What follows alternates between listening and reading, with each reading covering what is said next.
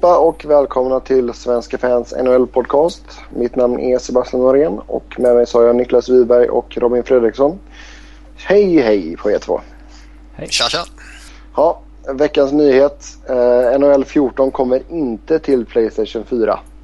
Eller Xbox One. Eh, jag tänkte vi börjar med det i och med att det är väldigt viktigt.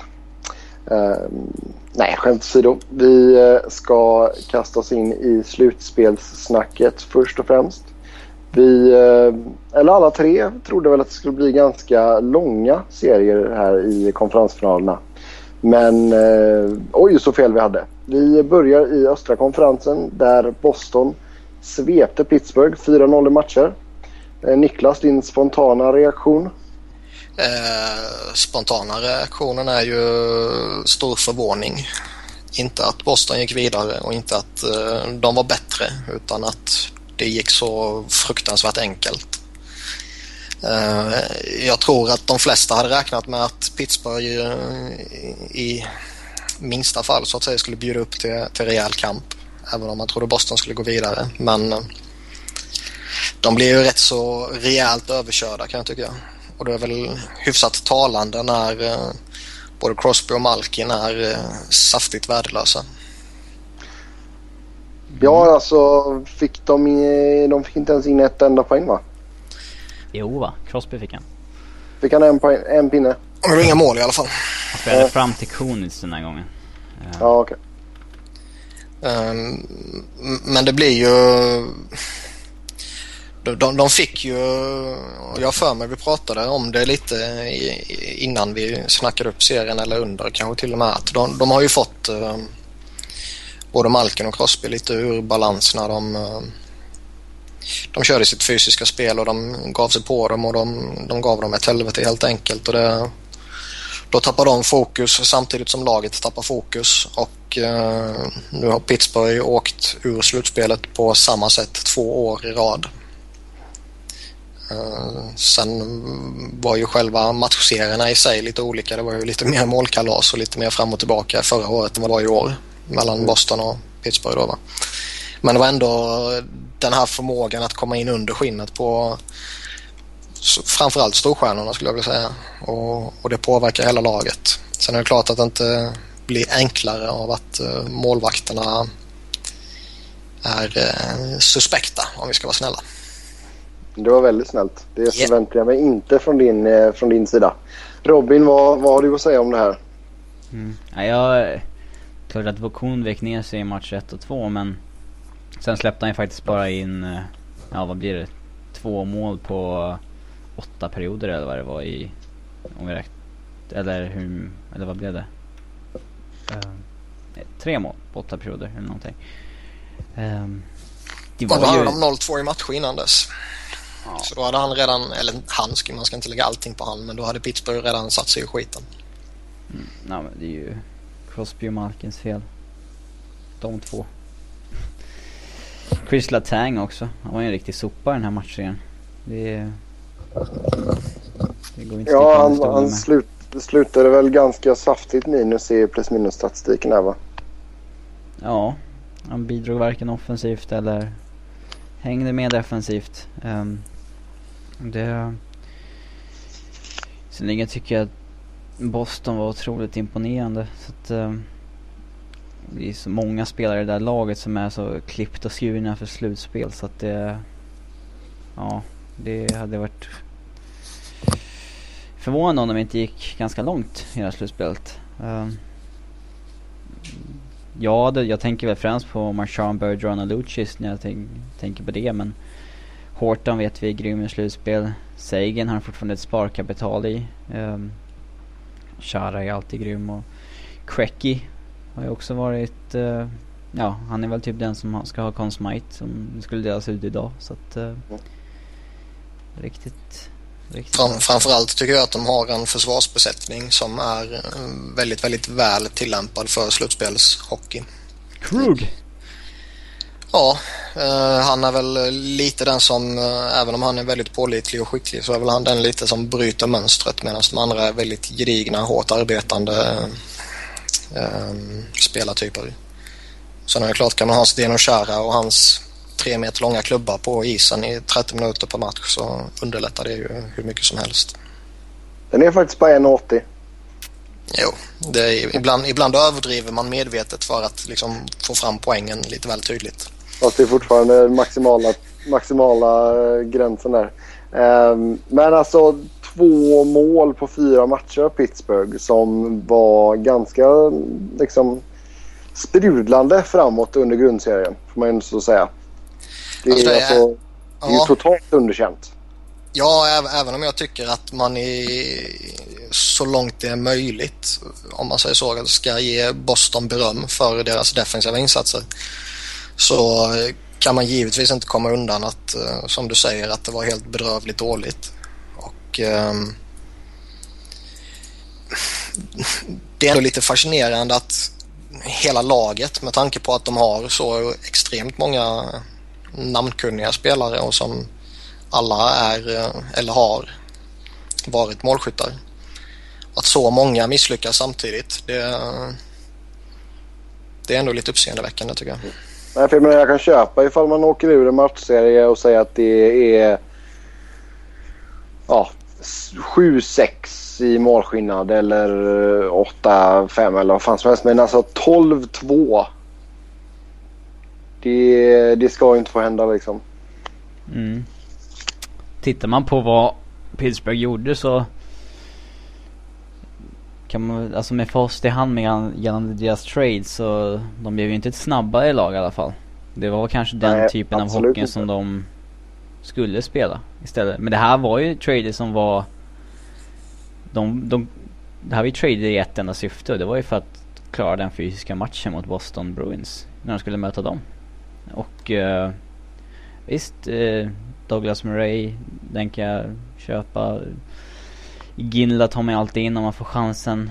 Morrow kanske var lite onödigt med fast i hand. Um, han uh, var nog inte bättre än någon depthspelare de redan hade och rörde nog om för mycket med kemin helt enkelt när, när det kom in så många. Mm. Framförallt när de tog in Morrow, då trodde man att det var för att uh, det inte skulle gå att ta in Iginla. Att det var liksom, okej, okay, plan B typ. Det som är lite intressant nu också det är att det börjar tuggas rätt mycket om Dan Bylsma. Att ha gått från uh, en, ett anseende som en av ligans bättre coacher. Uh, och sen om man tycker det är rätt eller fel, det, det kan man väl låta bli att nämna här kanske. Men han har ändå haft det ryktet. Och uh, nu är det väldigt, väldigt många som väl lägger väldigt, väldigt stor skuld på honom. Och tittar man på det rent krast så tycker jag att han har misslyckats i fyra raka slutspel. Um, ut i första rundan två gånger, ut i andra rundan en gång och sen ut i konferensfinal en gång. Sett över fyra år är inte det okej okay med Pittsburgh.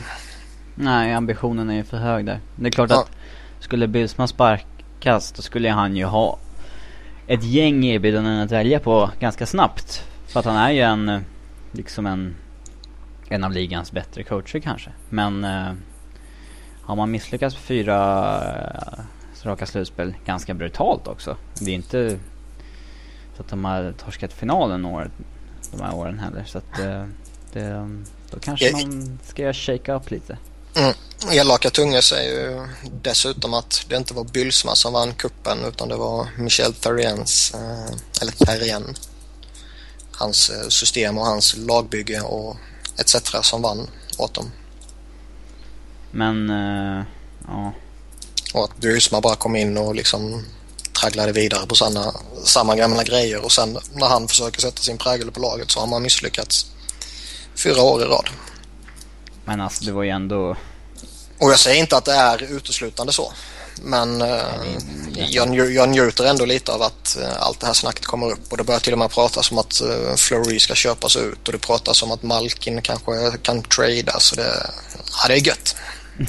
Jag förstår inte varför man skulle trada Malkin, det förstår jag inte. Ja, det är av cap-skäl. Han blir ju unrestricted trade om en sommar. De kommer inte ha råd att förlänga.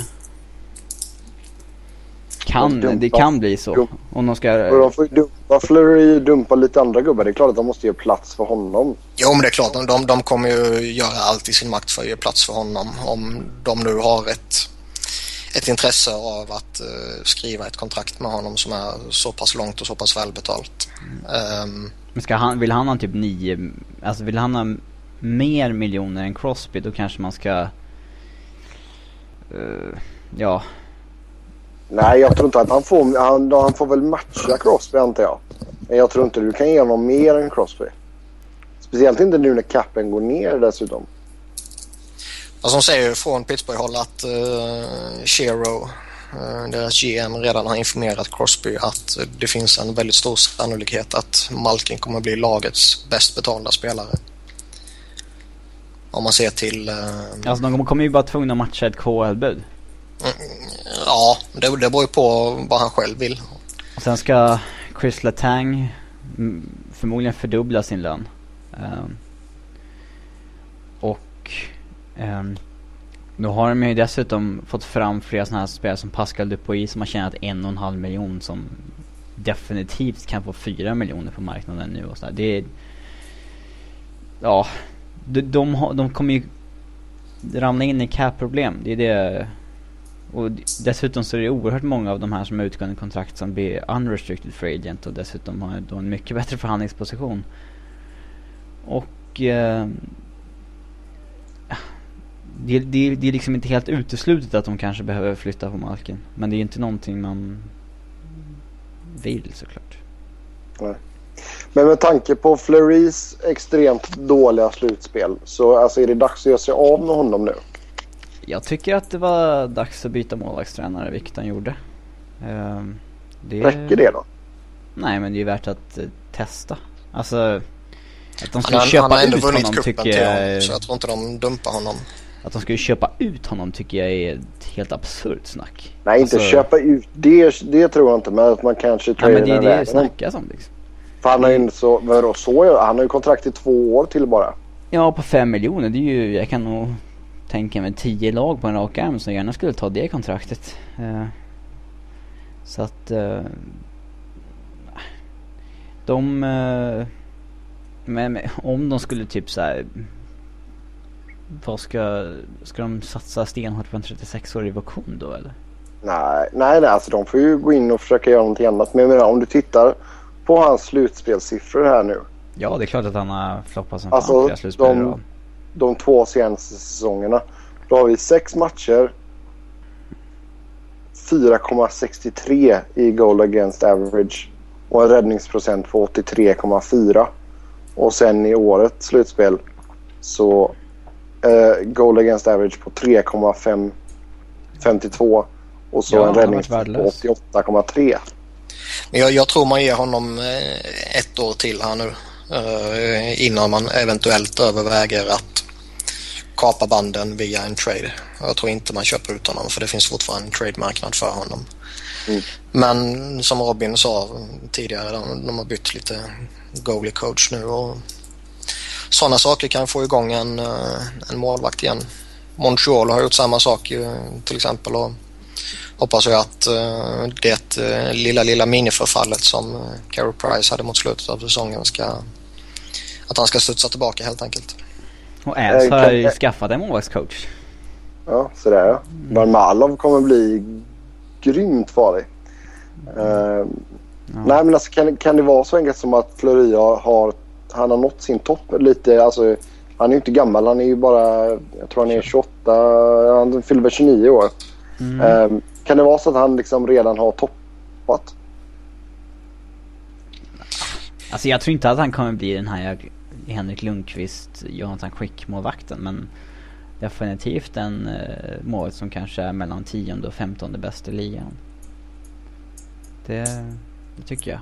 Den kapaciteten har han och den har han ju varit på i flera år i, i grundserier och i tidigare slutspel.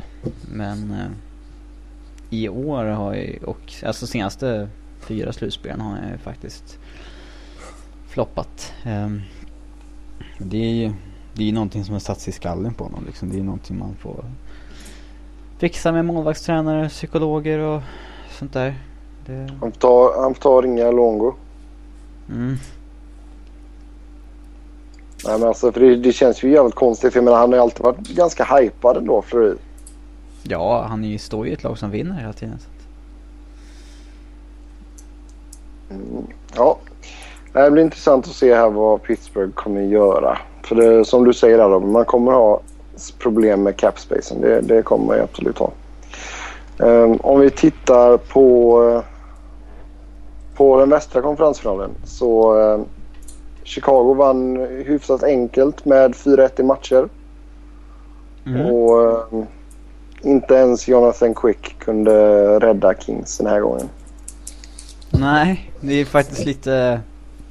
Ja, han har ju typ varit slutspelets bästa målvakt utan snack. Men när man summerar hans slutspel är det väl typ fyra, fem ganska halvdassiga mål som han släppt in vid fel tillfällen som mm. Bickles fladderpuck och Keats första mål i den här sista avgörande matchen och det... Ja, ja och sen de två, de två i Blues-serien också. Mm. Jackman sen, sen får man inte heller glömma att ja. uh, eh, LA var ju snäppet sämre framför honom i år än vad de var i fjol. Mm. Ja, de var mycket sämre. Jag tycker alltså... Men jag tycker nästan man var utspelade i samtliga serier.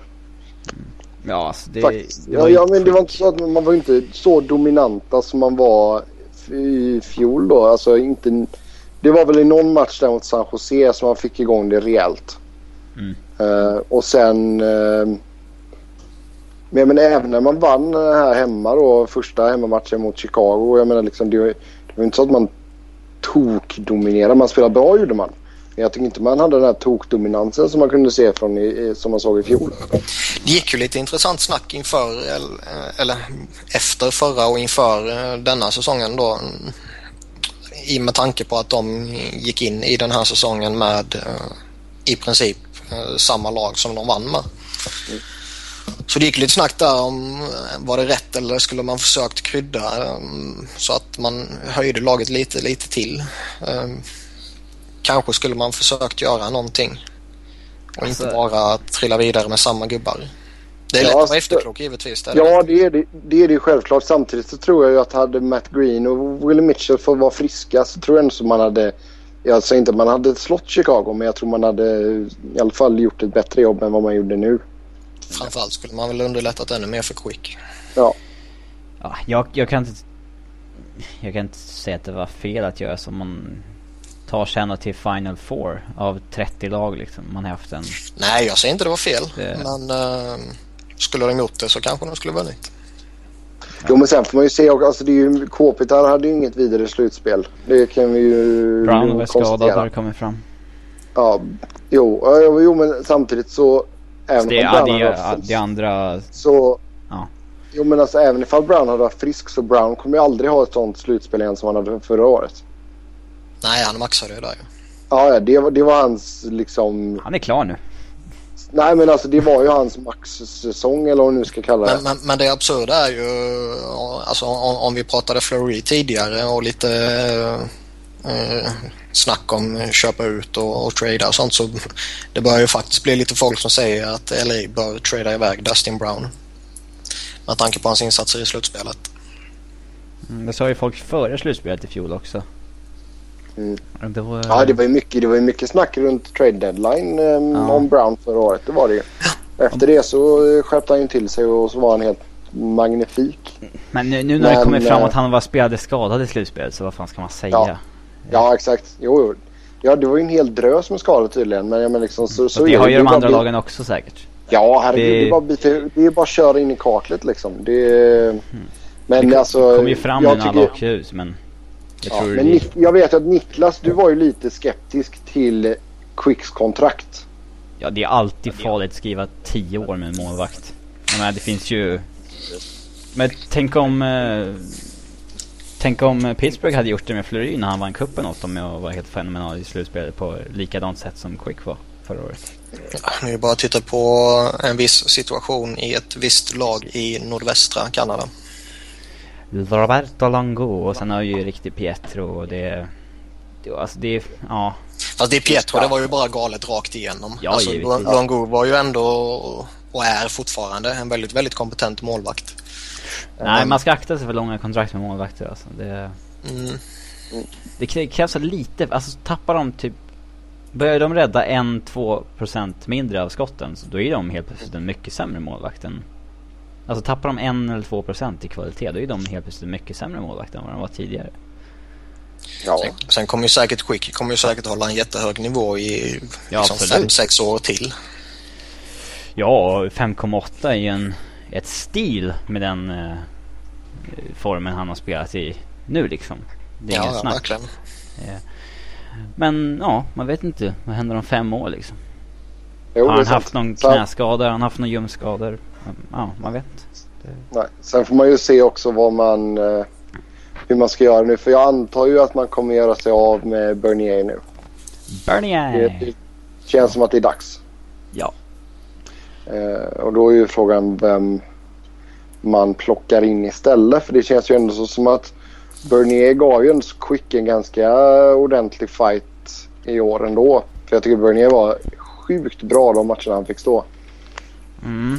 Vi ska väl snacka om Bernier när vi kommer till ryktessvepet. Men om vi ska spekulera i vem... ja. eh, Va? Det ska vi absolut göra. Men jag tänkte om man, om man, kommer man ta in en ärrad veteran bakom Quick nu då? Jag tror man får nej, alltså ta vad som finns på marknaden helt enkelt. Det, det, jag tror inte man kommer trada till sig någon eller sådär. Det, jag menar, Jose Theodor, La Barbara kanske. Jag vet inte. Han kommer ju aldrig få spela i Kings igen. Aldrig. Äh, Spontant tycker jag alltid det är att föredra mm, om man har en sån som Quick. eh, Att ha en veteran som vet vad det innebär att vara backup bakom en målvakt som kommer spela i, alltså alla matcher om man säger alla inom situationstecken då givetvis. Ja, men vi, vi säger 65 plus liksom.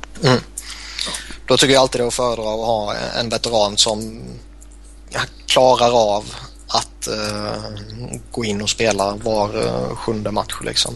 Det finns ju många veteraner som säkert inte har något emot att flytta till Los Angeles heller. Som Jose Nej, och, och man kan säkert hitta eh, en schysst backup för miljonen eller spetsa till det på upp mot två miljoner till och med om, om man verkligen är intresserad av den här snubben till exempel. Och avsluta karriären i ett lag som precis har vunnit Stanley Cup och som fortfarande är väldigt konkurrenskraftiga och som både har etablerade stjärnor och flera yngre förmågor på uppgång. Det, och sen då som, som Robin sa just LA kommer ju givetvis vara jätteattraktivt. Nej, men alltså, jag, jag, Lalaland, ja. Nej, men jag tycker en spelare som verkligen har klivit fram nu i årets slutspel det var ju en Slava Vojnov ändå. Ja, Det är verkligen det är ju lite ett rejält genombrott får man ju säga ändå. Han kommer ju få saftig, precis, han kommer att få saftig löneökning. Men det tycker jag han förtjänar också.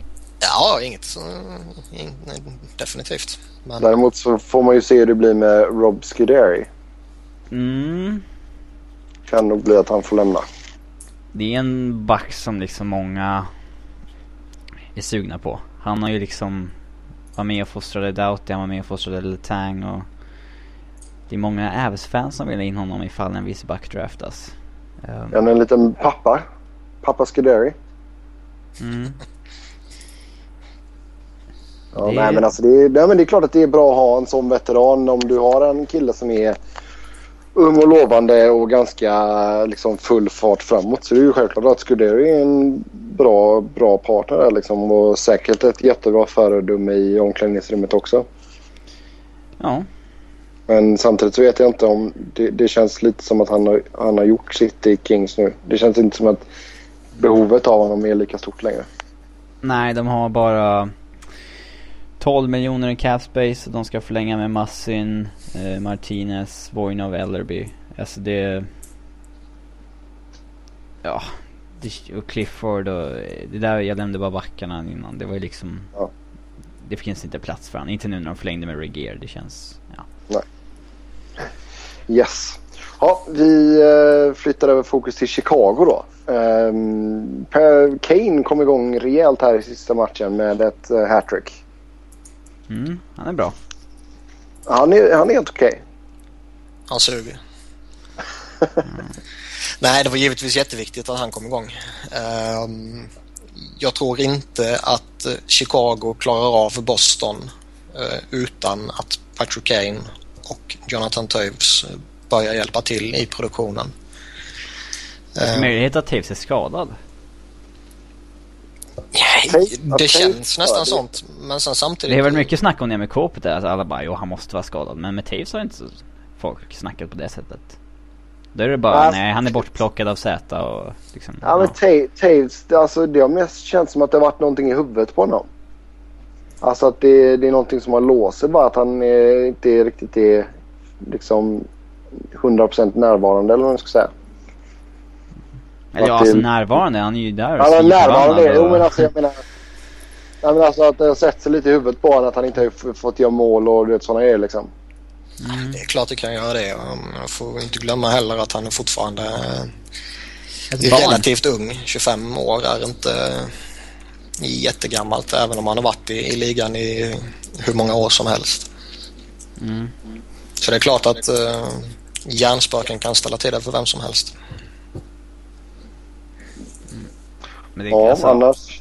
Man har ju sagt att eh, man kan inte hålla, man kan inte tysta Taves en hel, ett helt slutspel men han har ändå varit tyst i hela matchserien utom finalen så att ja, nu ska han förmodligen gå upp mot Patrice Bergeron som stängde ner Sidney Crosby rätt rejält. Ja, alltså Bergeron har ju varit så jäkla bra alltså.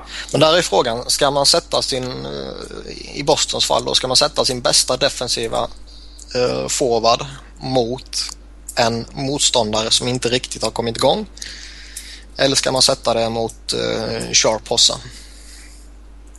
Alltså, det är ju naturligare att match, lägga upp honom mot en center känns det ju som. Mhm. Men, eh, ja. Jag tror inte man stoppar in honom för att plocka bort Hansus direkt. Nej, även om jag har en djup beundran för Hantus så tror jag inte heller det. Men, men det, alltså om man tittar, om- bortser från just position, eh, om man tittar eh, kedja mot kedja så att säga. Eller väljer man att köra Bergeron mot uh, Toews Kane och sen sätta Chara mot uh, Hossa till exempel. Tror man sätter Chara mot Kane. Eh, kan nog mobba honom rätt hårt. Det kan vem som helst göra. Eh, ja. Men, Sätter Kryger på Kane. mm, ja det är möjligt. Det blir bra, bra trash talk där vet du. Kryger har ju sagt att eh, spelar man med Kane så får man hålla ett öga bakåt. Han har inte så mycket defensiv i tankarna. Ja exakt. Nej, men det är inte det han betalas för heller. Nej. Nej men vadå Kryger, Kryger har väl gjort det bra. Han har ju varit väldigt bra i PK tillsammans med Frolik. Mm, Men jag menar skicka, skicka upp Kryger mot Chara där. Det hade varit så jävla roligt. Se till Kryger. Släpp, släpp handskarna nu i första matchen mot Chara. Visa att du inte är rädd. Mm, du ska plocka bort Chara. Ja. Eh, ja. Det, ja, det kommer bli oerhört intressant här med matchningen. Vilka sätter de mot vilka? Bostons backbesättning är ju riktigt vass men de har inte riktigt mött det här djupet på forwardsidan i, i den innan. Nej. Alltså Pittsburgh är all ära men de hade inte så många killar som var igång på samma sätt känns det som. Eh, Nej. Nej, men sen frågan är ju också alltså. Det känns inte som att Chicago så måste gå ut stenhårt fysiskt i första matchen. För att liksom stå upp mot Boston och visa att ni kan inte köra över oss som ni körde över Pittsburgh. Det var ju exakt så Pittsburgh försökte göra, det gick ju åt helvete. Alltså jag, jag tror att när, när man försöker, som du säger, ställa upp eller stå upp mot Pittsburgh och, och initiera den fysiska kampen så att säga, då, då tror jag att Jag säger, Man- inte att man behöver, jag säger inte att man behöver leda det eller initiera som du säger. Men alltså att man står upp för sig själva ändå. Ja, ja, Ja, man, man alltså, man står upp och man man utmanar, det måste man göra ju. Men alltså, Det är lite, väldigt lite många som är inne på att Pittsburgh gjorde det och det var fel liksom. Ja. De borde, Och jag, jag tror att man taggar upp Boston ännu mer genom att försöka utmana dem. försök få det till att inte bli en fysisk kamp istället för då, Lägg dig ner på isen bara. Nej men alltså om Boston nu försöker sig på det här eh, som de är så duktiga på genom att eh, hela tiden ligga på sin motståndare både under spelet och eh, efter avblåsningarna och göra småfulla saker hela tiden och, och bara riktigt jävla jobbiga. Mm. Kan man hålla huvudet kallt så Och bara tror jag, åt det. ja i princip, så tror jag att man eh, kan få Boston väldigt, väldigt frustrerade och man kan få dem att eh, på något sätt försöka snäppa upp sitt eget eh, eh, trash talk och, och småfulla saker och hela den här biten och på så sätt slår man över så att det blir för mycket. Så att man i, i, sin tur tappar fokus. Jag tror inte det är jättemycket som talar för att det blir så för jag tror att Boston är för disciplinerade för det men det finns ändå en liten möjlighet tror jag. Så kära Om jag var Chicago skulle jag försöka göra en... Eh, alltså inte göra det här till en fysisk match. Att det liksom... Håll er kalla, ta powerplay om ni får det liksom och... Ja. An använd sin fart. Fokusera på att klubba puck. Klubba puck. Ja. Nej men alltså om, man, om det hade Chara crosscheckar Kryger. Kryger ställer sig, pekar på Chara och skrattar. Mm. Eller vänder sig om på Andreas Pilmaner sopa klubban i käften på honom. Det hade varit skitroligt Han når inte så högt upp. De, de, de hade ju kunnat köra som Andreas Pil också påstå att det var en olyckshändelse. Eller hur? Sorry! Ja, de, Linköping hävdar ju fortfarande att det där var en olyckshändelse. Att Andreas Pil tar klubban med tvåhandsgrepp och sopar en slashing rätt i ansiktet på uh, Micke Johansson. Ja, vad fan, shit happens. Ja. ja, shit happens kan man säga. Duncan. Jag tror de sätter bowlan på Cracky för övrigt. Det är nog en ganska mm. naturlig för, uh, det var, Jag såg lite surr på Twitter här nu idag om att uh, Stålberg kanske får sitta första matchen. Mm.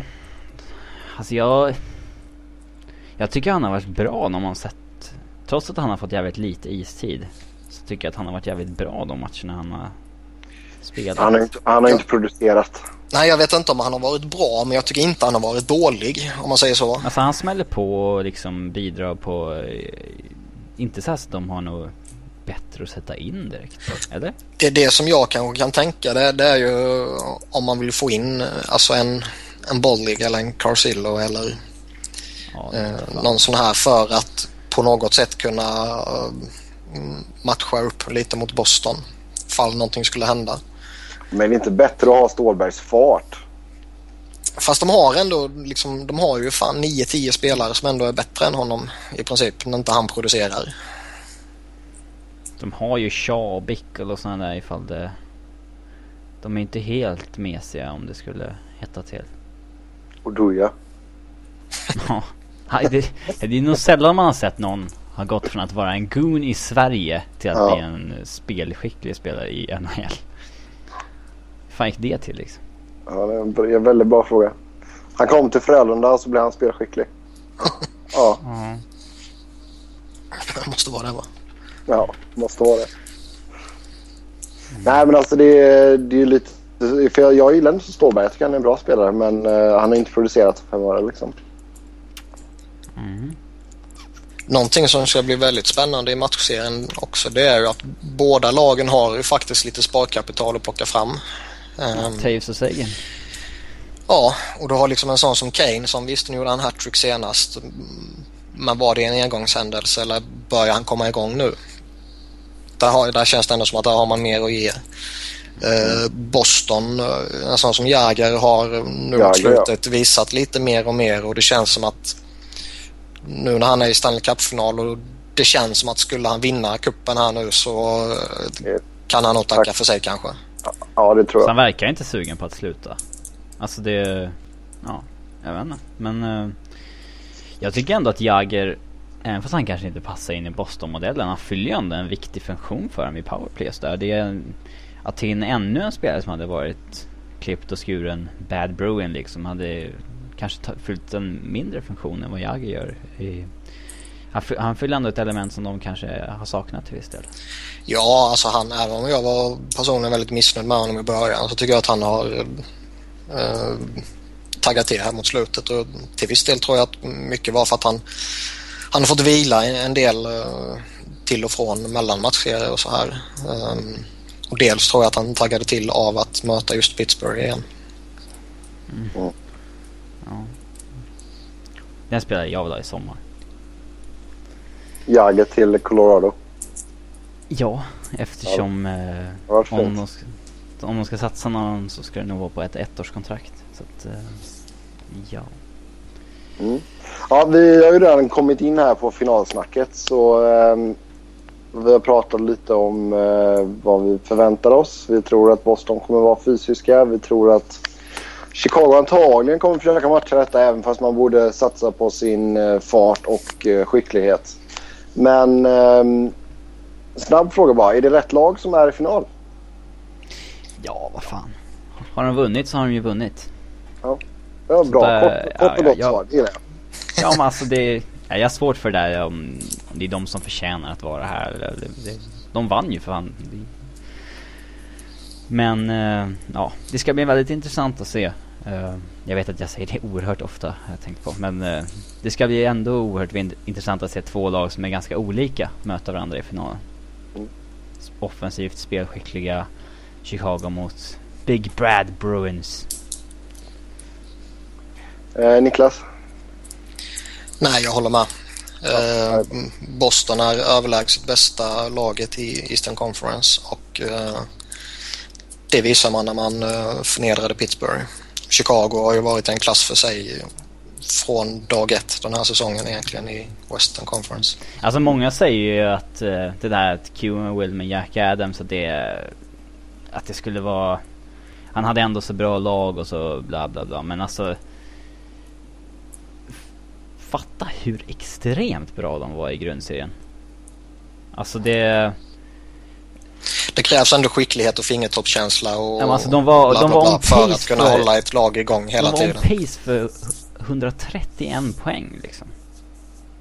Det finns många lag som haft det där, den där, en sådär bra spelartrupp och inte ens varit i närheten av 131 poäng. Så att, eh, ja. Jag tycker att han eh, ska ha all cred i världen för den här. Så. Tyler Seguins na- name, namn nämndes ju när vi sa sparkapital och eh, killen har bara gjort ett mål under detta slutspelet och eh, hur kommer det sig att han inte har fått något sådär, för jag har inte sett någon sån här jättekritik mot honom direkt. Jag tycker det har varit ganska mycket snack. eh, I alla fall fram till att han gjorde det där första målet. Men det var ju bra länge sedan nu. Ehm, Mm. ja, Jag vet inte. Det är svårt.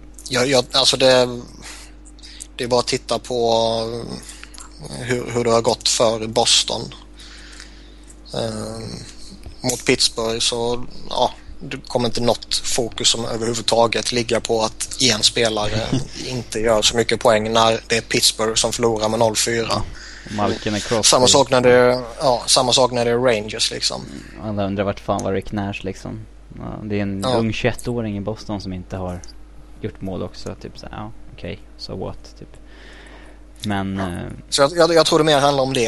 Eh, skulle, skulle däremot Boston gått halvknackigt och, och liksom haft st- stora problem mot Rangers till exempel.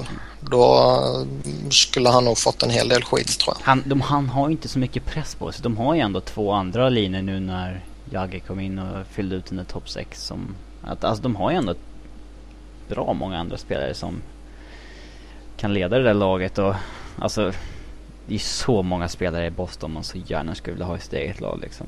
Alltså Bergeron är ju ligans bästa tvåvägscenter och Lucic är ju klippt och skuren för slutspel och alltså Brad Marchand är ju ett, ett jag vill ändå uttrycka mig grovt här men inte så grovt så att Sebbe måste klippa bort det. Men han är ju, han är ju verkligen ett litet as, en vidrig varelse alltså. Men eh, Mm. fan vad man, man skulle vilja ha han i sitt lag alltså när det är slutspel. Det, han kan ju komma undan med vad han vill. Och eh, Jo, men han känns ju som en Sean Avery fast så jäkla mycket bättre på isen. Om du tror jag ja, han står inte upp för det han gör och filmar och har sig och ja, det, det, Men samtidigt, samtidigt en jäkligt duktig spelare. ja, han skulle jag gärna, gärna ha i mitt lag. Men vilken vidrig människa Ja, alltså. nu ska vi... Ja. Eh, nu ska vi snacka om vad talar då för att Chicago går och vinner detta? Respektive vad talar för att Boston går och vinner detta? Det som talar för Chicago är den offensiva spetskvaliteten i Hossa, Sharp, Kane och Taves. Eh, och Bickel. Ja. Antus. Kryger, ja, ja, ja. Nej, men alltså ska man sammanfatta det väldigt kort så tycker jag att som Robin säger att i Chicago så är det den offensiva spetskvaliteten som liksom talar för att de vinner. I Boston är det den defensiva spetskvaliteten. Och blir det en, en fysisk match det här så tror jag inte att det går till sju matcher. Då tror jag Boston tar det här i fem eller sex. Och det är, jag har svårt att se att en final inte skulle bli fysisk. Det, men det blir ju intressant att se om Chicago vinner och låt säga att Bickle gör tre mål till i slutspelet. Då ska ju han ha Conn Smite, men de kan ju inte ge Conn Smite till Brian Bickle. Det skulle ju vara som en, en fläck i historien liksom. För evigt skulle det namnet eh, jag, jag är väl rätt övertygad om att om, om inget extremt händer i, uh, i uh, här liksom att ja, du vet, Kane går in och gör hattrick i fem matcher. Så tror jag Corey Crawford är favoriten i Han har ju knappt gjort i Chicago. Va? Fan. Det är så B. Ja, han har tagit dem till final. Ja men det har ju alla, alltså. Alltså, ja. Det är som är på NHL 13, det är alltid målvakten som vinner Conn Smite. Det är toklarvigt. Mm, det ser hur det blir på det, NHL 14 Det är mycket större case för uh, uh, Tokarask i så fall, tycker jag. Mycket större. Ja, där tycker jag inte det är något snack om saken. Där I Boston är det ju rask eller kör alltså, i dagsläget känner jag. Ja. Med en stor fördel, Toka Rask. Mm. Mm, Toka har varit riktigt bra. Tror du han går som Jokern när det är halloweenfest eller? Eller Sideshow Bob? Han är finländare, han kan gå normalt så ser han ändå hemsk ut. ja, det får stå för Niklas. Uh, så ja, Robin du sa fem eller sex matcher Boston. Okej, okay, jag säger 4-2 uh, Boston. Du säger 4-2 Boston. Ja. Och uh, vad säger då Niklas?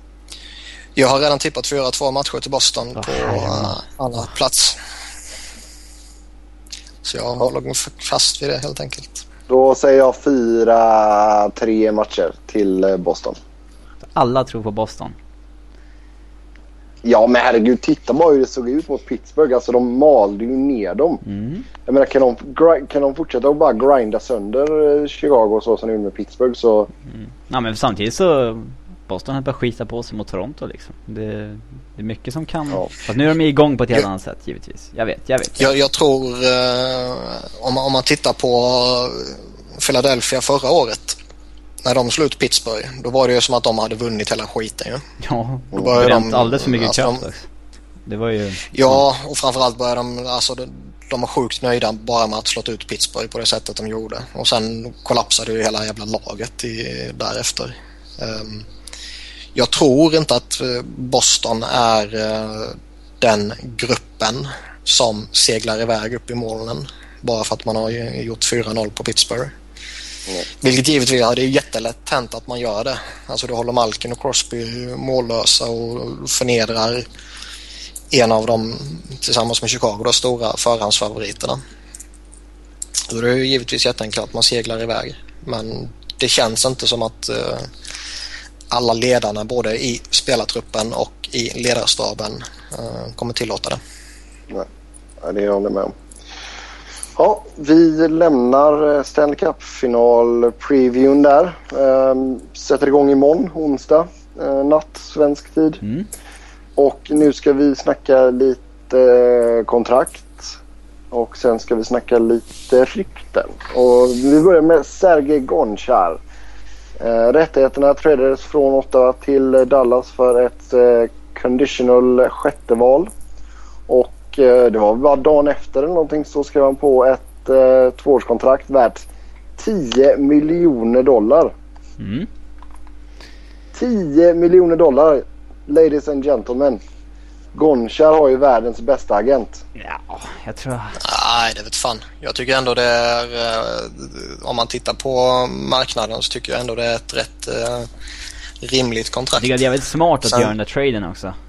Byta till sig rättigheterna och fixa det här före det blir en budgivning om det. det men... Eh, så försäkrar man sig om att man får snubben i alla fall. Så tror jag också att någon... Killen är, 30, han är, han är 39 år gammal. Det är, jag tycker inte att det är, är rimligt att ge honom 5 miljoner om året. Alltså det, Ja, man, får titta, man får titta på situationen också. Alltså skulle det här varit eh,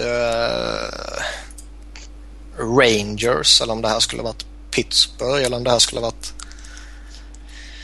Ja, vad fan kan vi hitta på mer? Chicago till exempel eller en sån här en, en riktig fullfjädrad eh, contender som går för det.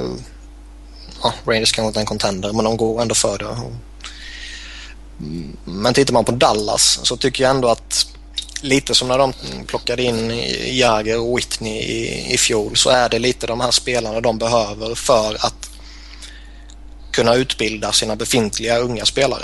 jag tror att eh, det snackas ju lite om att de kanske ska byta bort Alex Goligoski. Men det kanske har förändrats nu när Jim Neal kom in som ny GM. Eh, vi har pratat om sån som uh, Robbie Lass också. Att någon av de två kan vara på väg bort. Och menar, får du in Gonchar då är det betydligt enklare att göra den traden. Då kan man ju, om man byter bort Goligoski, då kan man ju ta in Gonchar på två år som kan hålla fortet tills Joe Morrow är redo till exempel. Som sägs vara ja, vänsterfattad powerplayback precis som Gonchar och Goligoski. Men Ja, eh, jag, det är klart att Gonchar inte är den backen han en gång var, men eh, hade det här varit två år på fyra miljoner, där tyckte jag det var ett jättebra kontrakt. Och det är, det är ju ändå via free agency oavsett vad man, ja, säger. Så att, eh, Mm. ja, man får alltid betala lite när det är free agency. Det, det får man. ja, för jag menar liksom, jag tycker ju, tittar man på Dallas backuppsättning här nu, den ser inte, det är ju inte som man skiter på sig om man är forward i ett motståndarlag liksom. Nej. Nej, men Dallas är inte en fas i sitt lagbygge där man ska vara en contender heller. nej. Utan, utan vad det handlar om det är att plocka in veteraner som både kortsiktigt och framförallt långsiktigt kan... eh, Gillar inte folk att spela i Dallas också för att det är ganska låg skatt där? Det är mycket möjligt. Det får vi väl göra en snabb googling på. För att jag minns att det Ja. snackades om det när Jagger signade det där.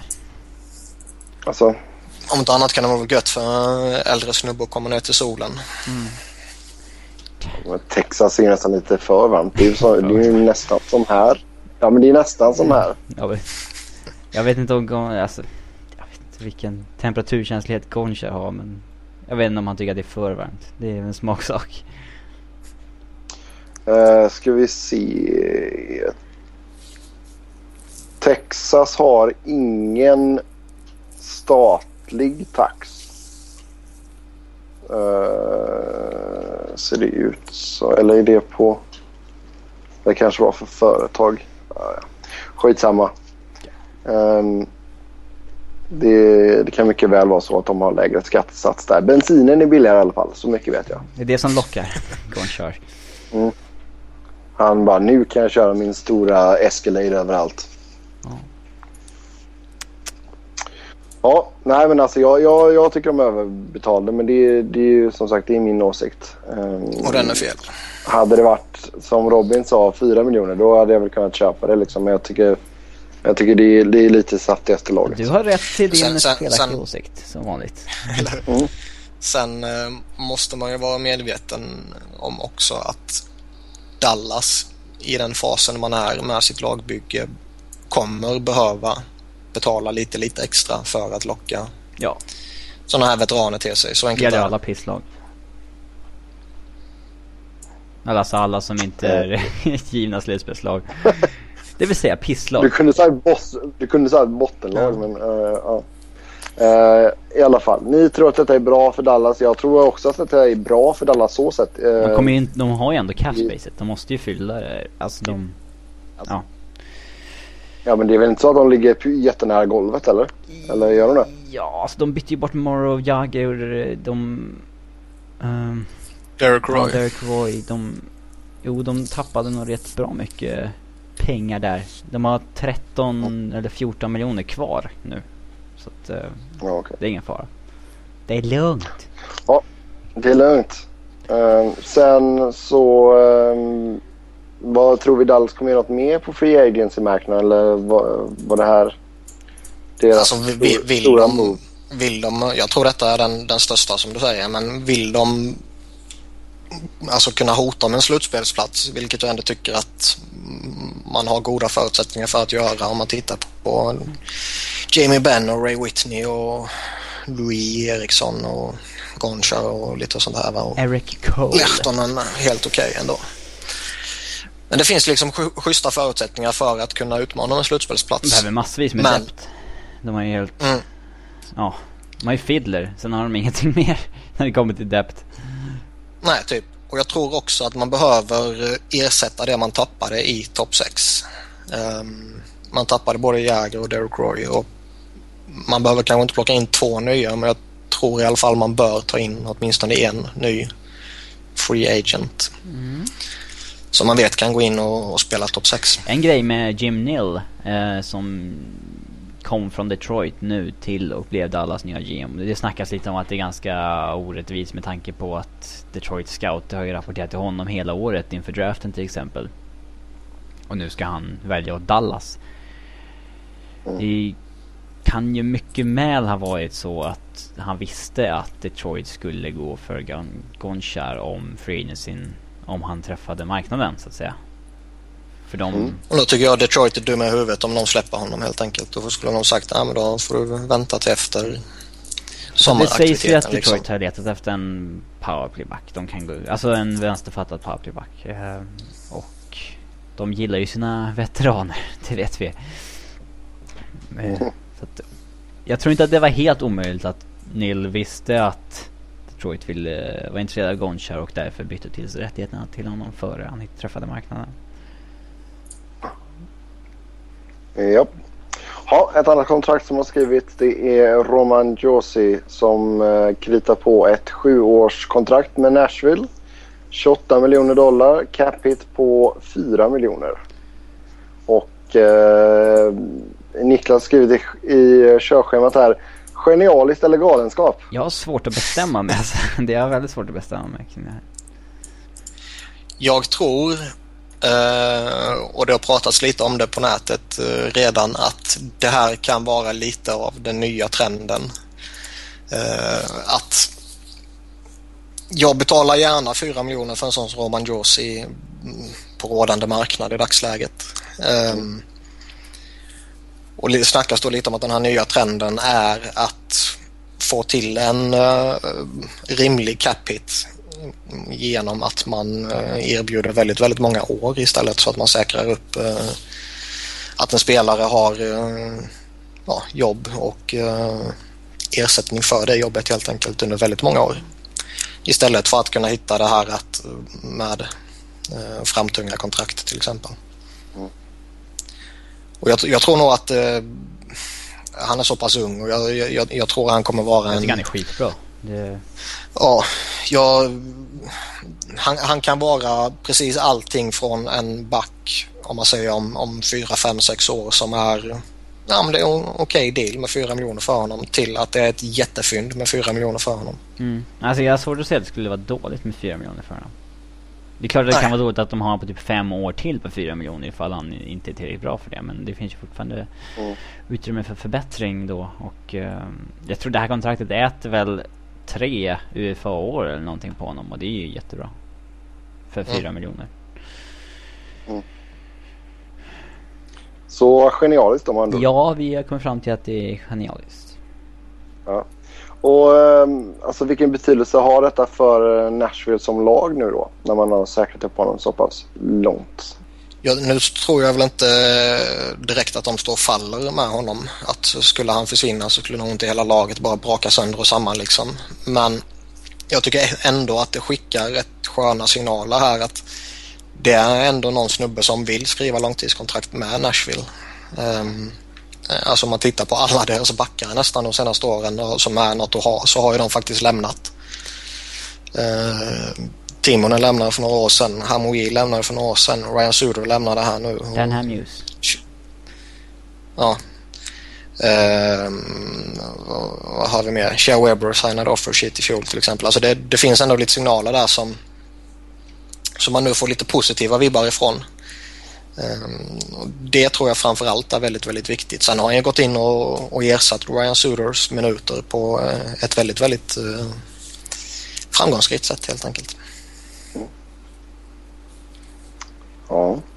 ja jag är, när jag kommer till Nashville så är jag mest sugen att se på vad Filip Forsberg kan göra med en, en vettig försäsong och sådär i bena.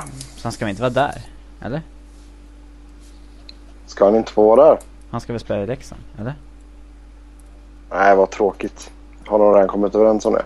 Jag inte, men jag vore förvånad om något annat skedde. Ah, vad tråkigt. Då har jag inget intresse av Nashville överhuvudtaget i nästa säsong. Ja, alltså det är inte eh, klart men det känns väl som att det blir en sån där, du vet en klassiska nio matcher sen utlåning. Att han får testa på. Åh oh, vad tråkigt. Åh oh, vad han tråkigt. är ju inte så bra. Det är han ju faktiskt inte. Det finns ju mycket potential i grabben. Han måste ju, nej jag har sv- jag har svårt för honom. Han kan dra åt helvete. Man går inte från allsvenskan in i NHL om man inte är en supertalang och det är han inte. Han är ju framförallt inte den typen av talang som kan göra gå in och gnugga lite i en fjärde line eller liksom han Då skulle han behöva lite mer muskler tror jag. Ja, han är ju en offensiv spetsspelare som ja behöver mogna ganska mycket i sitt spel. Jo men samtidigt det är inte så att Nashville har ett överflöd av offensiva spetsspelare. Nej, de har inte varit så jävla intresserade av att ha spelare som bryter mönstret heller. Nej. Ja, det är tråkigt. Väldigt tråkigt. Ja, inte överdrivet Men det tråkigt kanske. jag tycker det överdriver Jo. lite. Det är väl ganska, ja okej jag, typ. Jag, gillar spelare som bryter mönstret. Jag vill ha lite sådana här Ja, hockeybohemer. men det är väldigt, väldigt tråkigt. Det håller jag inte med om. Det är väl mer, ha- aha, okej. Nej. Typ. Nej, men om, om Linus Omark bara hade varit lite, vad ska man säga, lite mindre strulig men ändå så haft den här sköna individ, individualismen liksom. Det, Omark hade jag gärna sett eh, tillbaka i, eh, i ligan faktiskt. Ja, han gav ju bara, Sådana, sådana idioter vill inte jag ha. han gav ju bara upp själv för tidigt. Mm. Ja, tråkigt, tråkigt, tråkigt. Ehm, jo, nu ska vi över till eh, en liten... eh, Vädret. Vad heter det? Ja, inte vädret. Men däremot så ska vi över till en liten tränarnyhet. För eh, Edmonton har eh, sagt tack och adjö till eh, Ralf, eh, Ralf Kryger, Ralph Kruger. Och eh, Dallas Eakins kommer in då. Och Mm. ja, först ska vi väl säga att Kruger blev sparkad via Skype. Ja, det är det är nymodigheter. Det är, det är nymodigheter. Det är väldigt 2013 känner jag. Mm. Är- är- Som hyllning till detta spelar vi nu in podcasten på Skype. Ja, exakt. Nej men alltså det, det, det är okej att göra en sån grej eller, eller liksom, är det lite smutsigt att man inte tar det face Hade det varit via telefon hade ju inte någon sagt ett skit. Så vad fan.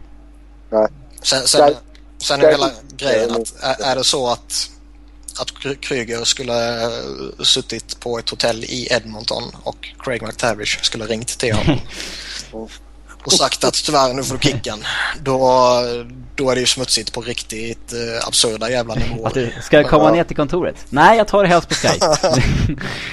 jag tar det Men nu, nu var ju snubben ändå hemma i, i Schweiz liksom. Ja, alltså Så- de flesta spark, alltså när, det, det sker när folk är på semester. Alltså när tränarna är på Mm. sin semester efter säsong. Så att, Mm. ja, det måste ju tas. Kä- kä- Det, är lite, känslan det, är som- väldigt, det måste vara lite tråkigt då. Du, du sitter på en sandstrand i Bahamas eller någonting. Mobil, mobilen ringer, plingar till. Du ser att du har ett Skype-samtal inkommande. Hej! Du, eh, tack men eh, nej tack. Du behöver inte komma tillbaka till nästa säsong. Mm. Lägg liksom sabba lite semestern tror jag. Reser sig, går rätt ner i poolen, sätter sig på botten. Beställer in en Bahama Mama och eh, sörjer lite. Jag tror ju att det blev så här eh, mycket snack om just Skype för att det var just Edmonton. Eh, med tanke på att de har gjort lite konstiga beslut eh, de senaste åren och har väl målat upp en bild av att organisationen ibland är lite konstig. Ja. Jo, men jag, tycker, of- jag tycker ofta det blir snack. Jag menar, det var ju samma sak när eh, någon fick reda på... Vem var det? Var det Alexander Östlund som fick reda på att han inte var med, skulle vara med i någon landslagstrupp så här via text-tv eller någonting? Ja, Han blev väl upp... Ja, eller, var det, eller var det sms? Jag tror det var sms. Ja. ja, men det var ju... Men han blev, han blev inte sparkad ju. Nej, det är i och för sig sant. Nej. Men eh, alltså... Det, Craig McTavish, deras nya GM, han sa ju när han kom in att byta coach var typ det sista på hans prioritetslista. Ehm, Men han kanske bara hade tre punkter på sin prioritetslista. men eh, så vi intervjuade han ju Dallas Eakins eh, för att bli Krugers andra tränare, alltså assisterande tränare. Och så kom de fram ganska snabbt till att eh, deras hockeyfilosofier går inte att kombinera. Och sen så gillade han Dallas Eakins så jäkla hårt på det där mötet där de hade. Så då, och så ville han inte, visste han att det var tre, fyra, fem andra lag som ville ha honom också. Så att han kände helt enkelt att nej. Skitsamma, vi tar honom och skickar Kryger liksom. Han, han är ju sjukt hypad, Eakins. Eh, Ja, var, var inte han intervjuad i New York också eller? Ja, Jag Vancouver vet, jag vet inte om han intervjuade men han har pratat med dem i alla fall. Och, eh, Vancouver var det som, som Robin säger och Dallas var ju på den biten också. Men i, alltså nu, nu ska inte jag sitta och påstå att jag har sett massa matcher med Toronto Marlies den här säsongen. Han är bara den just nu tillfälligt hypade AHL-coachen. Det finns, det finns Ja, ju alltid jag en på. sett, jag, Tidigare Guy Boucher, tidigare John Cooper, tidigare... Ja. Ja. Det finns ett par som har varit... Det finns alltid några sådana exempel men här, här känns det väl på allvar som att han har någon förmåga i alla fall att jobba med unga spelare. Eh, och då finns det väl egentligen inte något mycket bättre lag än Edmonton för honom att eh, inleda NHL-karriären i. För man vet ju det också att även om han skulle tokfloppa i Edmonton nu, det skulle bara fortsätta gå rakt åt helvete, då skulle ju folk bara rycka på axlarna och säga ja men det är ju Edmonton, det är ett klart det går åt helvete där. Och så kommer nya lag vara redo att anställa honom. ja. Eh, om vi fortsätter på Edmonton-spåret här då. Eh, vad, vad kan man tänkas göra i sommar? Det, det har snackats om att Hemski och Horkoff kan tradas till exempel.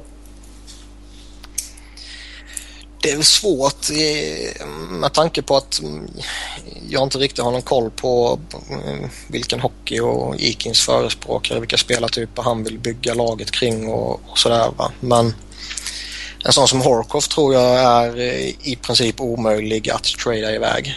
Uh, snubben har två år kvar på 5,5 miljoner. Bra veteran att Ja. ha ändå i det jävla laget.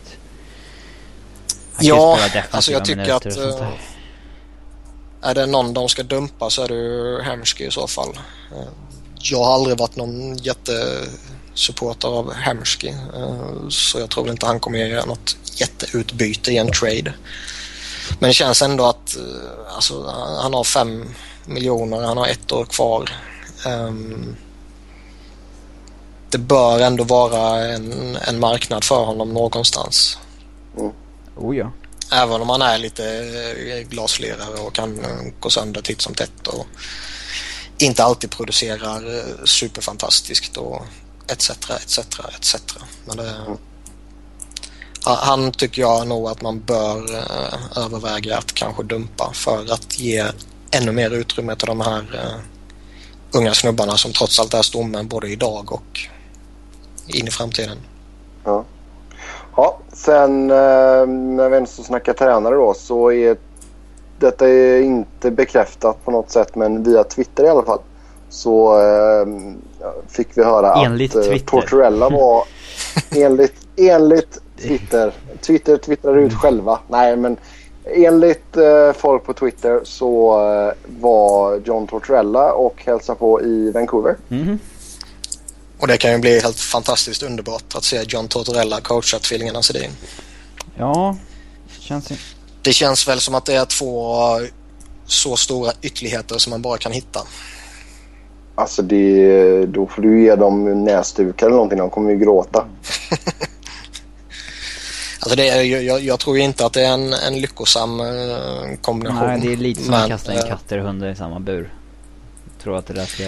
Ja, med tanke på allting som Tortorella har eh, slängt ut sig när hans lag inte riktigt eh, presterar som han vill så är det ju eh, alltså exakt det här som är Sedinarnas brister i princip. Mm. Alltså Tortorella ska göra ett lag som Boston typ liksom. Men... Eh, jag vet inte. Alltså det är klart att Vancouver inte är redo för en rebuild. De måste ta in en coach som de kan vinna. Alltså som är liksom etablerad och de kan köra på nu liksom. Men eh, Tortorella...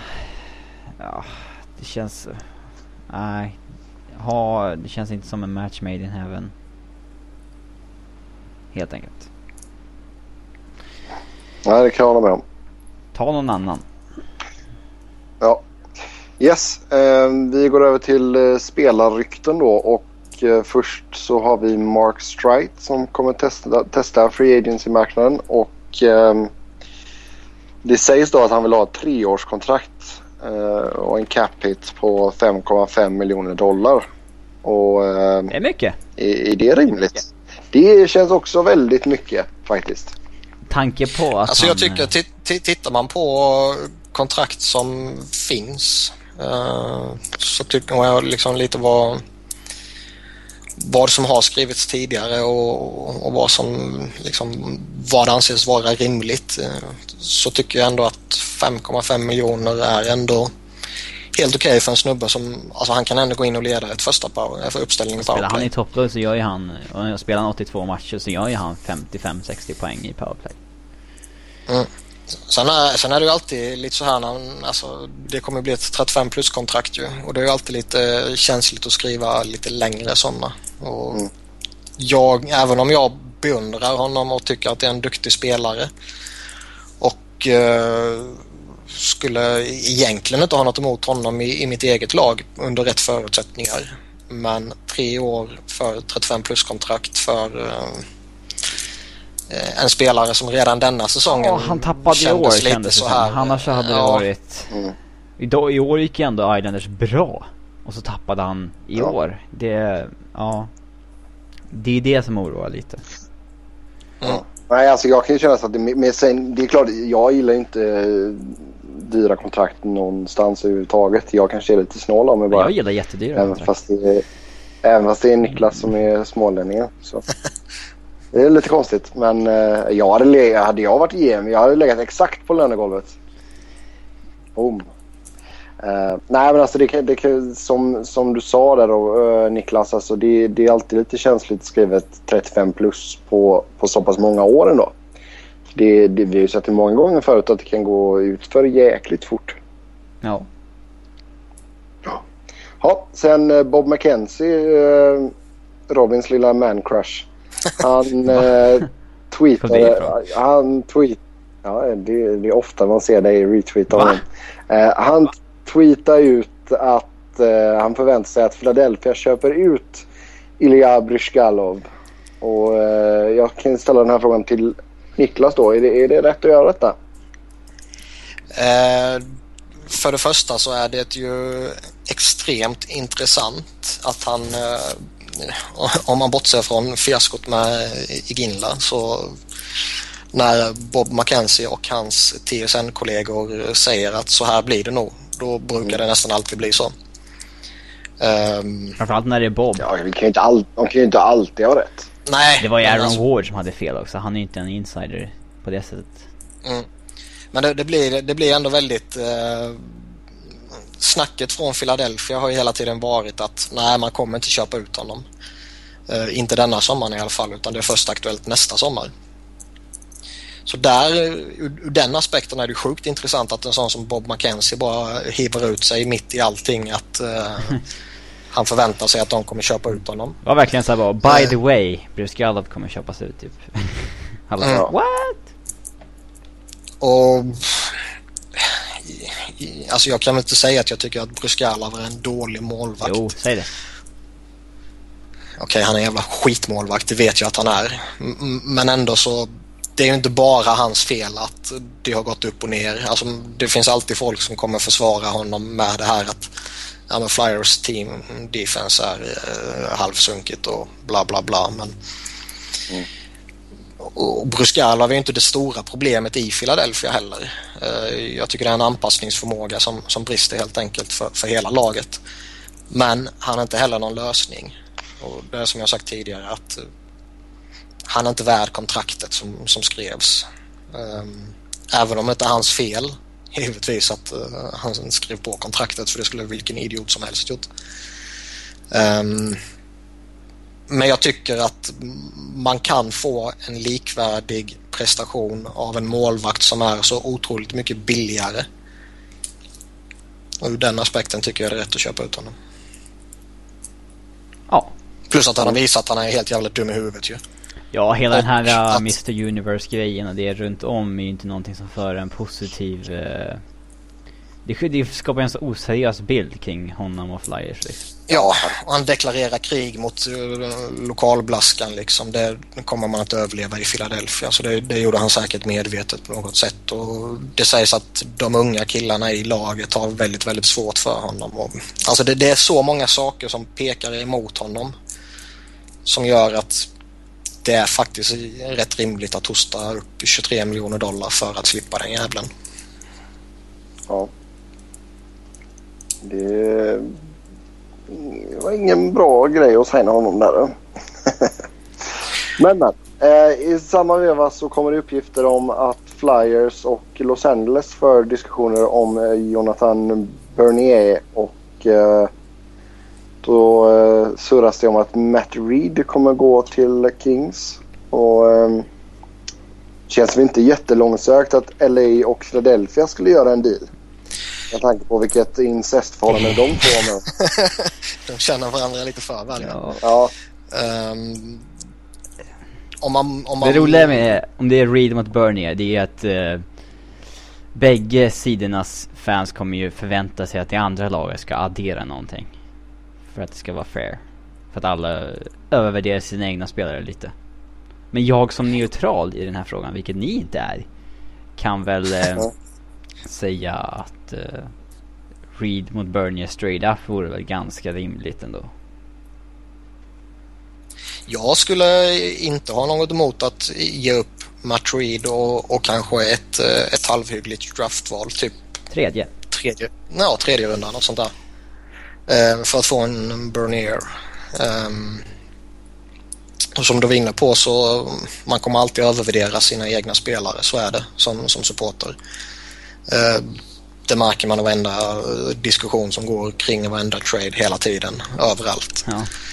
Uh, men jag tycker liksom ändå att och likadant Philadelphia-supportrarna kommer säkert övervärdera Matt Reed här och LA-supportrarna kommer säkert övervärdera Bernier. Men han är ändå en 24-årig målvakt vars värde egentligen bara minskar för varje vecka som går där han inte spelar. Mm. Um, och då menar jag att spelar man var åttonde match så spelar man inte så att säga. Jag tycker absolut inte att alltså jag ser inga problem med den traden överhuvudtaget så sett. För jag menar båda sitter på var Reed ett år kvar eller? Mm. Nej, Berniers går ja. ut. Ja, Bernier blir RFA. Mm. Det sägs ju och... att Philly kan offersheeta Bernier. På, som gör att upp till 3,3 miljoner vilket gör att de behöver betala ett andra rundsval. Och, eller jag menar, ja ett andra rundsval blir det. Ehm, mm. Och då står ju LA inför ett jävla sits. Antingen släppa honom för ett andra rundsval. Vilket skulle kännas som ganska dåligt betalt.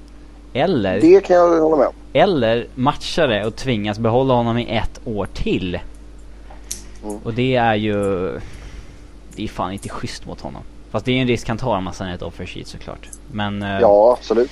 Men jag, samtidigt tror jag inte att Philadelphia skulle göra det mot LA heller. Jo. Jo, vill, vill de Philly ha... är alltså, inte rädda för att offersheeta någon. Det kan jag... Det är enda sanningen hade. Alltså att Philadelphia hade ett jättesamarbete med Nashville när man la offer sheet på, på Shea Weber. Så det där betyder ingenting överhuvudtaget. Holmgren bara um, nämnde det lite över en lunch med Poyle. Bara, by the way, Shea Weber. Um. Mm. Uh, så det, det tror inte jag att Alltså anser Flyers att det är det bästa beslutet uh, och agerandet att göra, då kommer man göra det. Uh, om man känner att nej, men vi är redo att betala de här 3,3 uh, eller drygt där runt omkring för, för honom. Ja, då, det, då det, det. det är att överbetala lite i lön men hellre det än att ge upp en asset för mycket. Liksom. Alltså jag, jag, jag ger ju hellre andra rundsval ja. plus en liten, liten överbetalning mm.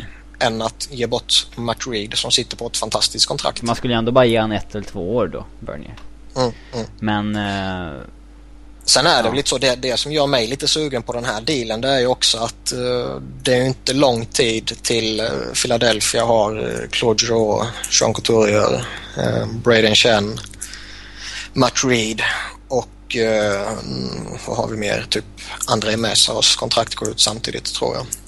Och då känns det som att någon av de här bör man nog behöva offra och då tror jag Matt Reed ligger närmst till hand för han kommer ju inte signa ett nytt kontrakt för 900 000. Nej. Uh, Men... Och det är väl lite det som tilltalar mig att köper man ut Bruskalov nu då kan det vara läge att offra Matt Reed ett år för tidigt om man säger så. För att få in en sån som Jonathan Bernier.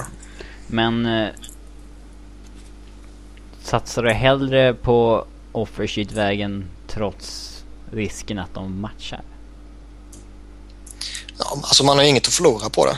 Uh, Nej, förutom ett, om man går... ja, ett fuck you-finger från Dean Lombardi kanske, men det... Ja, och, och, du, förlorar liksom... en, du förlorar en målvakt du vill ha. Nej, det, han ja. hade de inte innan heller. Så att... Nej, precis. Och jag menar, skulle man misslyckas med det då kan man alltid hitta någon snubbe på Free Agency till exempel. Sen tror jag inte att det kommer bli aktuellt med ett offer sheet för jag tror att har inte LA lyckats trada iväg honom innan uh, han når RFA-status eller signat honom, det kanske också är en möjlighet givetvis, så tror jag man kommer byta iväg honom. Om han träffar RFA-status, det är ju mycket möjligt att Alltså något lag gör någon riktigt dum eh, sign han på typ fem år på fyra miljoner eller någonting. För att han har ju ett oerhört rykte av någon anledning trots att han knappt har spelat. Mm. Uh, och då får ju ett Kings ett jävla utbyte. Men... Uh, mm. Det, det är en spelare de skulle ha bytt bort tidigare. Det, Absolut. Ja, det, Ja, man hade fått mycket mer för honom om man hade bytt honom förra året. Jag tror jag. Mm. Men men, så det som vi har sagt innan, det är väldigt lätt att vara efterklok. Ja. Ja. Uh, det snackas återigen om att Keith Yandel uh, är intressant för flera lag, bland annat Philadelphia, Detroit och Carolina. Som uh, alla nog inte skulle ha någonting emot att ha en offensiv lagd back. Mm. Och eh, vad bör han kosta i en eventuell trade? Ja, det är lite svårt det där. Alltså, ja. han är en klurig jävel. Men alltså om, om, man, om man bortser från honom för, för en halv sekund, alltså lite som Robin säger, han är lite lurig och sådär, men, men om man återkommer till det alldeles strax. Så priset som du pratar om är ju sjukt högt ju. Ja, det pratas alltså, ju om en Norris backpris. Liksom. Ja, alltså det, det pratas om en redo spelare, en toppprospect och ett bra draftval. Och på vissa ställen pratas det till och med om två stycken spelare som är redo och ett prospect och ett bra draftval. Så alltså det, och, och jag förstår Phoenix också. De, de är ju inte i, i, en situation där de måste göra sig av med honom. Nej, absolut inte. Utan jag, tror säkert att de, de vill nog behålla honom liksom. Uh, utan det kommer krävas ett, ett ett erbjudande som är riktigt jävla saftigt för att de ska släppa honom. Och jag tror inte det är något lag som är eh, så desperata och så galna så att man betalar det höga priset som det pratas om. Sen om de ryktena är fakta så att säga eller om det bara är hittepå från någonstans, det har man ingen aning om. Mm. Nej, för men han har en så kontrakt över tre säsonger till. Capiten ligger på 5,25. Mm, vilket är ett fullt rimligt kontrakt för, för en sån spelare. Så det är inte så att, att uh, han är överbetald och Phoenix vill dumpa honom för det eller något sånt där liksom. Nej, men det är ju bara och priset han, han snackar om. Han gör ju sina poäng också. Ja, alltså han gör ju sina powerplay-poäng och, och sådär. Men det är ju... Alltså det som folk verkar snacka om det är typ att man får in en... En alltså första back så att säga. Och det har ju inte Jandel varit i Phoenix. Alltså, han spelar extremt mycket powerplay och gör mycket poäng där. Och det ökar hans istid, totala istid. Men i 5 mot 5 så vet ju du Sebbe som kollar på Phoenix ofta att han matchas ju inte dugg mot de bästa spelarna i motståndarlagen. Det gör ju Michalek och Oliver Ekman Larsson och mm. där spelar han ju faktiskt i tredje backpar. Så att uh, får bara spela mot tredje fjärde liner. Så att i hans rykte är ju oerhört bra. Alltså man skulle ju kunna casha, casha in oerhört bra på honom ifall man fick ett bra bud. Uh, trots att det är en spelare som inte fyller en så extremt stor roll i Phoenix även om han fyller den där rollen väldigt bra. Mm. Nej men jag tror ju ändå så att det, jag tror ändå så han skulle kunna spela i ett första backpar. Ja, han har inte fått den chansen att testa. Alltså han har inte... Jo det har, jo, det har han har ju varit i första backparet Ja alltså vid, vid skador och sånt där. Det är ju... Men... Nej, alltså jag menar alltså tidigare om vi tittar på, på förra säsongen till exempel. Då var ju han i första backparet. Då var det ju han, han och, och Derek Morris som var första backparet. Eh, ja alltså och sen hade du ju... Uh, uh, Oliver fick ju lira lite med... Rosevall. Han lirade en del med, med Rosevall och... Uh, ja. Och hade de inte kvar Coin också tror jag? Ja. Ja. Alltså det, det, är ju... Jag håller med om att han, han är ingen liksom sann första back ur den aspekten att man, man spelar honom i alla situationer hela tiden oavsett hur det ser ut. Däremot är jag helt övertygad om att eh, om han skulle hamna i ett lag som anammar eh, offensiven om man säger så. Mm. Eh, så är jag helt övertygad om att han kommer bli en väldigt, väldigt, väldigt poängstark back. Mm. Yes. Och det kan vara värt en hel del att både ge upp för och, och, och i lön. Mm. Um, men inte så mycket som snacket går. Nej men alltså med tanke på situationen där så, så är det ju det att liksom Phoenix behöver ju killar som kan gå rätt in i laget. Mm. Det, annars det är ingen idé att ge upp honom för en drös med prospects liksom. Nej, nej för fan. Det, och det är inte så att man ligger och gnuggar lönetaket, tvärtom. Mm. Man är ju nere, nere vid botten när det kommer till länderna. liksom. Så, um, men samtidigt så känner jag att det, det är ingen spelare som Phoenix verkligen skulle... Det är klart att han gör sina poäng som sagt. Men det, det har varit mycket powerplay som du säger där Robin. Och det, det känns ändå som att det finns andra spelare på uppgång som kan hjälpas åt och täcka upp det poängtappet. Alltså nu, nu när Ekman Larsson har slagit igenom så kan man ju offra Jandel och när man har en sån som David Rundblad på uppgång så kan man ju faktiskt ha en, en liten light-version av Jandel om man skulle släppa honom. Mm. Spelar mycket powerplay i tredje backpar. Mm. Ja. För det är en sån roll ja. David Rundblad ska ha om han ska bli lyckosam i NHL. Mm. I alla fall eh, som det ser ut nu. Sen vet man inte hur han blir om ja. tio år men ja. Nej det är sant. Jag tycker inte riktigt att han har fått en ordentlig chans i Phoenix heller faktiskt. Han har inte varit kvar i det laget en dag. Alltså jag 24 timmar typ. Det är ju upp och ner. Upp, alltså ja, det... det var, ja, det har varit väldigt mycket upp och ner. Det har varit väldigt mycket uh, healthy scratch också. Ja.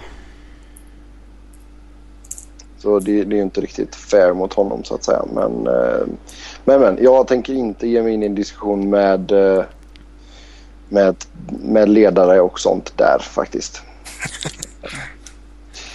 en annan back då som det snackas om. Ron Hainsey. Ja. Ja, jag tycker väl att eh, han inte bör vara lika intressant på marknaden som till exempel Strite, Sidlicki, Whitney, Scuderi, kanske till och med Leopold. Um, jag tycker inte att Ron Hasey är duktig. Um, jag håller honom före de här... Uh, alla jag alltså sa. Whitney och, nej, men före Whitney och Leopold och de här. Sen är det klart att jag tror det är få av de lagen som har väldigt starka ambitioner om man säger så som riktar in sig på en Ron Hainsey innan man kollar läget med Mark Strait till exempel. Ehm, men jag tror han är en av de här som kommer hamna i alltså säg att det är fem lag som ger sig in i en budgivning av Mark Strait så tror jag de fyra som inte får honom kanske kommer rikta blickarna mot Ron Hainsey istället. Winnipegs Ron Hazy Free Agent alltså. Mm. Mm. Ha, eh, har vi något mer vi vill diskutera? Vi kan ta lite snabbt tycker jag. Kan vi ta det här med att det är prat om att införa visir, visirtvång. Eh, man säger att man... Ja, det har vi röstat igenom på... Eh, ja, man ska, det var väl, jag vet inte riktigt vilket steg det är i utvecklingen men det är väl att NHLPA har röstat igenom det som ett förslag. Och sen ska väl... Det är ju så att NHLs Competition Committee Ja. som är består av representanter från NHL och spelarfacket har eh, röstat igenom lite saker som de i sin tur slussar vidare till Board of Governors. Men det ska väl bara vara en formalitet helt enkelt. Det är bara formalitet. Ja. Alltså det är det som har bestämts här. Det kommer i princip klubbas igenom bara liksom på, på någon minut. Är det rätt att- rätt. Är det rätt att grandfather in det eller ska man bara säga alla jävla måste ha direkt? Alltså det, det var ju, jag har för mig, jag läste att det var mer än 80% av spelarna i ligan som röstade för att införa det här eh, upplägget. Ja då slipper ju de, in- då slipper ju de ta på det om de inte vill. Men Ja, ja. Men jag, jag tror ju att det är det jag skulle komma till. Jag tror inte att den siffran skulle varit lika hög om det skulle varit så att okej nu måste alla spela med den. nej. Det, blir- det blir Ehm. lite dubbelmoral. Och när de spelarna kommer in nu och då är det så här. Det blir ju, vad säger man? Do as I say, not as I do. Typ. Mm. Men jag tycker samtidigt att det är en bättre idé än att tvinga alla att ta det på en gång. Ehm, de som är vana med att spela utan det kan få fortsätta utan det. Och eh, ja, Ja, alltså sen var det rätt rimligt. Alltså det, det, det var rätt rimligt att det skulle bli ett sånt här upplägg. För det, det finns ju inte en chans i världen att man bara skulle kun- kunna gå in och säga okej nu ska alla ha det. Vem kommer, eh, vem kommer alltså spela utan visir längst nu då? Det var ju Craig McTavish som var den som spelade utan hjälm längst när de uh, grandfathered det in. Det Mm. finns ju ett gäng unga spelare nu utan visir. Vem kommer bli han? Zach Ronaldo. Nej, han kommer inte att vara kvar i ligan så länge. Han spelar 20 år igen. Helt sönderslagen. Men jag tippar på Ryan O'Reilly eller Jamie Benn. Jamie Benn känns ju faktiskt som ett rätt sexigt alternativ. För han har ju tagit av det för att han liksom helt enkelt, nej det är bättre utan. Mm. Ja. Men eh, om de ska, Sen, är, sen alltså det är också en intressant eh, grej här. Hur lång tid kommer det ta innan alla försäkringsbolag kommer gå in och säga att okej, nu måste ni ha visir. jag vet inte. Nu, nu, nu ska ni inte bara liksom uh, grandfathera, vad fan man säger för att försvenska det. Utan nu, nu ska ni införa det direkt. Annars kommer, ni inte, eh, annars kommer det bli dyrt utav helvete eller så får ni liksom inga försäkringar. Jag vet inte, jag tror Eh. inte det är superaktuellt. Men jag vet, jag vet Nej men de alltså dröjer, dröjer, det, dröjer det fem år eller dröjer det tio år? Eh, Hur eller många år 20 dröjer det innan någon fastnar med en klubba i visiret och skär ut ögat och sen måste alla ha full cage? För det är klart att Ja. Om det tar fem, Det sker ju redan nu lite titt som tätt att klubbor fastnar mellan visiret och hjälmen. Ja. Ja men... Så det är bara liksom Ja, sen vet ju... en ren jävla tur att det inte har petats ut ett öga. Och sen... Om det tar 10, 20 eller 30 år, det vet jag inte men förr eller senare kommer alla tvingas ha hel cage liksom. Galler eller hela, ja. Så är det ju. Förr eller senare. Känns lite tragiskt. Men, men, men. Men de måste ju ändra eh, instigating the divisor regeln om de ska ha det här. Eller? Mm, men det har de sagt att eh, den regeln kommer eh, förändras. Men det är inte klart ännu hur den kommer förändras. Hur tycker ni den ska förändras? Nej, man ska ju, sl- jag, jag tycker man ska ta bort... Nu kommer det eh, brutalt förslag av Nej, här. jag, ta, ta, bort, ta av dig hjälmen, ta av dig handskarna, ta av dig armbågsskydden innan det börjar fightas. Armbox, det blir en oerhört lång eh, process. Nej men alltså eh, ha- handskarna är ju rätt givet. Ja men de, De- de jag tycker ändå att det är ganska sen bra om de har kvar hjälmarna på. Alltså de som, de som är fighters och inte har visir så att säga. Det, Jo men, jo, men hur möter, alltså, om, om du då möter en som har visir. ja, då får väl han. Alla, alla får spela med sådana här Peter Käck-mössor under hjälmarna. Jag, jag tycker att eh, ska man gå en fight då tar man av sig hjälmen.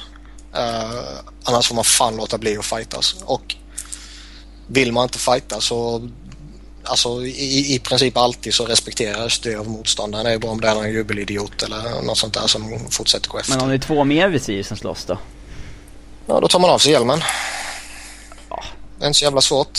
Alltså det, det, det finns ju ligan en... kommer ju eh, ändå, alltså ligan vill ju oerhört mycket att de ska ha kvar hjälmarna på. För att inte någon ska få en rejäl jävla skada förr eller senare så att de tvingas banna de fighting överhuvudtaget.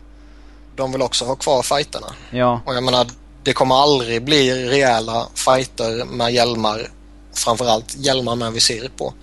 Mm. Med tanke på att de täcker eh, så pass mycket. Så det kommer vara att man står och pumpar på njurarna bara liksom. Och det kommer inte folk tycka om att titta på. Så enkelt är det.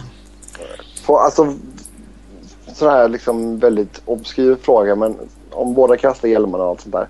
Får man skalla den andra killen då? nej headbutting får man väl inte göra. Det står väl i... Det gör ju Patrick Kajleta hela tiden, den jävla tönten. Ja. Det är hans signaturgrej. Signature move. En kaletisk skalle. Ja. Ja. Eh, sen är det snack om målburar också har jag hört. Mm. Från Robins håll. Ja, enligt mina, eller enligt Simpas källor så ska de ändra det. Då är det alltså djupet på målburen som ska ändras. Inte, det ska, den ska inte bli liksom mindre på bredden eller höjden. Nej, det ska bara helt enkelt bli inte lika djup och inte lika liksom Alltså det är, de sticker ju ut på sidorna runt om stolparna en bit också. Det ska Mm. tryckas in lite eh, så att det blir lite mer utrymme att lira på bakom mål och sånt där. Lite snabbare wraparounds. Göra Gretzkys kontor lite större helt enkelt. Ja. En väldigt, väldigt intressant grej det är ju att fyra minuters utvisningar för high-sticking ska kunna videogranskas. Ja, det är ingen dum idé. Alltså, Men frå- frågan är hur mycket kommer det här i förlängningen påverka så att möjligheter att videogranska betydligt fler domslut öppnas upp? jag vet inte men vad fan. Alltså är, är, det så att ligan kommer hålla stenhårt på att det här är det enda som vi kommer tillåta då- videogranskas eller är det att man öppnar lite portar för att eh, i, i framtiden ska det kunna vara som det är i typ NFL där man kan videogranska varenda jävla fotsteg. Jag vet inte men eh, med tid den så bör man kunna kunna videogranska sådana grejer mycket, mycket snabbare också. Men det här grejen är ju Det är väl någonting, det är inte som man ska videogranska varje fyra minuter va? Det är väl någonting som laget ska begära i så fall. För man, man märker ju ganska tydligt på laget ifall det är en situation där det är en egen lagkamratsklubba alltså som har träffat någon i ansiktet eller sådär. Då blir det ju ganska extrema protester och då är det väl då man ska videogranska det. Ja, vi kommer inte ha tio videogranskningar per match precis. Men En, co- en coaches challenge med andra ord. Ja, typ. ska vi ge oss in i det här och Nej, för Robin Det igen ska eller? vi verkligen inte göra. Men eh, det blir ju något, något liknande där då med andra ord. Eh, är det någon annan regel eller något annat eh, nyhetsvärt? De, de, de har ju, skulle ju införa någon sån här kommitté eller någon, vad man nu ska kalla det som skulle utforska vidare om både målvakternas och utespelarnas utrustning ska justeras på något sätt. De, de får inte göra målskyddet mindre igen. Nej, jag tror inte de ska eh, utvärdera för att göra dem större i alla fall. Nej, det tror inte jag heller. Nej. Visste ni förresten att de gick in och förminskade fast axelskydd? De var ju, täckte ju hela kryssen. Eh, jag visste att, man såg ju mycket bilder på det där, så här, kolla hur feta jävla skydd han har typ och sånt där men eh, Och jag visste inte att de gick in efter att han hade vunnit de första åtta matcherna och ändrade det. Nej, det är ju nyheter för mig. Mm. Då vet vi ju varför han vann också. det var ju efter det han blev mänsklig. Men han har ju åkt på det där med för stora skydd i elitserien också. Han är ju en, en bluff. Ja, men det är ju tur att de har Fredrik Andersen där också i, i eh, Anaheim. Han behöver inga skydd och han täcker ändå upp hela målet. Aha. Ja, då tackar Det- vi för oss för den här veckan. Vi får ju Om inte inte Niklas heller, vill säga någonting. Ja, vi får ju inte heller glömma att de ska undersöka hybrid icing Ja just det. under, under försäsongen. Det ska fan bli kul att se hur det funkar. Mm. Och det känns väl som att det här var egentligen bara en tidsfråga med tanke på hur många skador det trots allt blir. eh, Och allvarliga skador också när, när Det har ganska... två 100 kilos kolosser dundrar in i full fart i, i sargen liksom och ena knät viker sig. Ja och det har ju enligt... Eh, det har ju tydligen funkat väldigt bra med hybridized också så att... Det har ju varit väldigt få klagomål på det. Mm. Så att... Eh, Mm. Ja, det kan jag med om. Det är en bra regel. Mm. Yes. Då tackar vi för oss för den här veckan. Vill ni chatta hockey med oss så går det jättebra att göra det på Twitter. Um, mig hittar ni på @sebnoren, Niklas hittar ni på Niklas Wiberg, Niklas med C och Robin på R Fredriksson.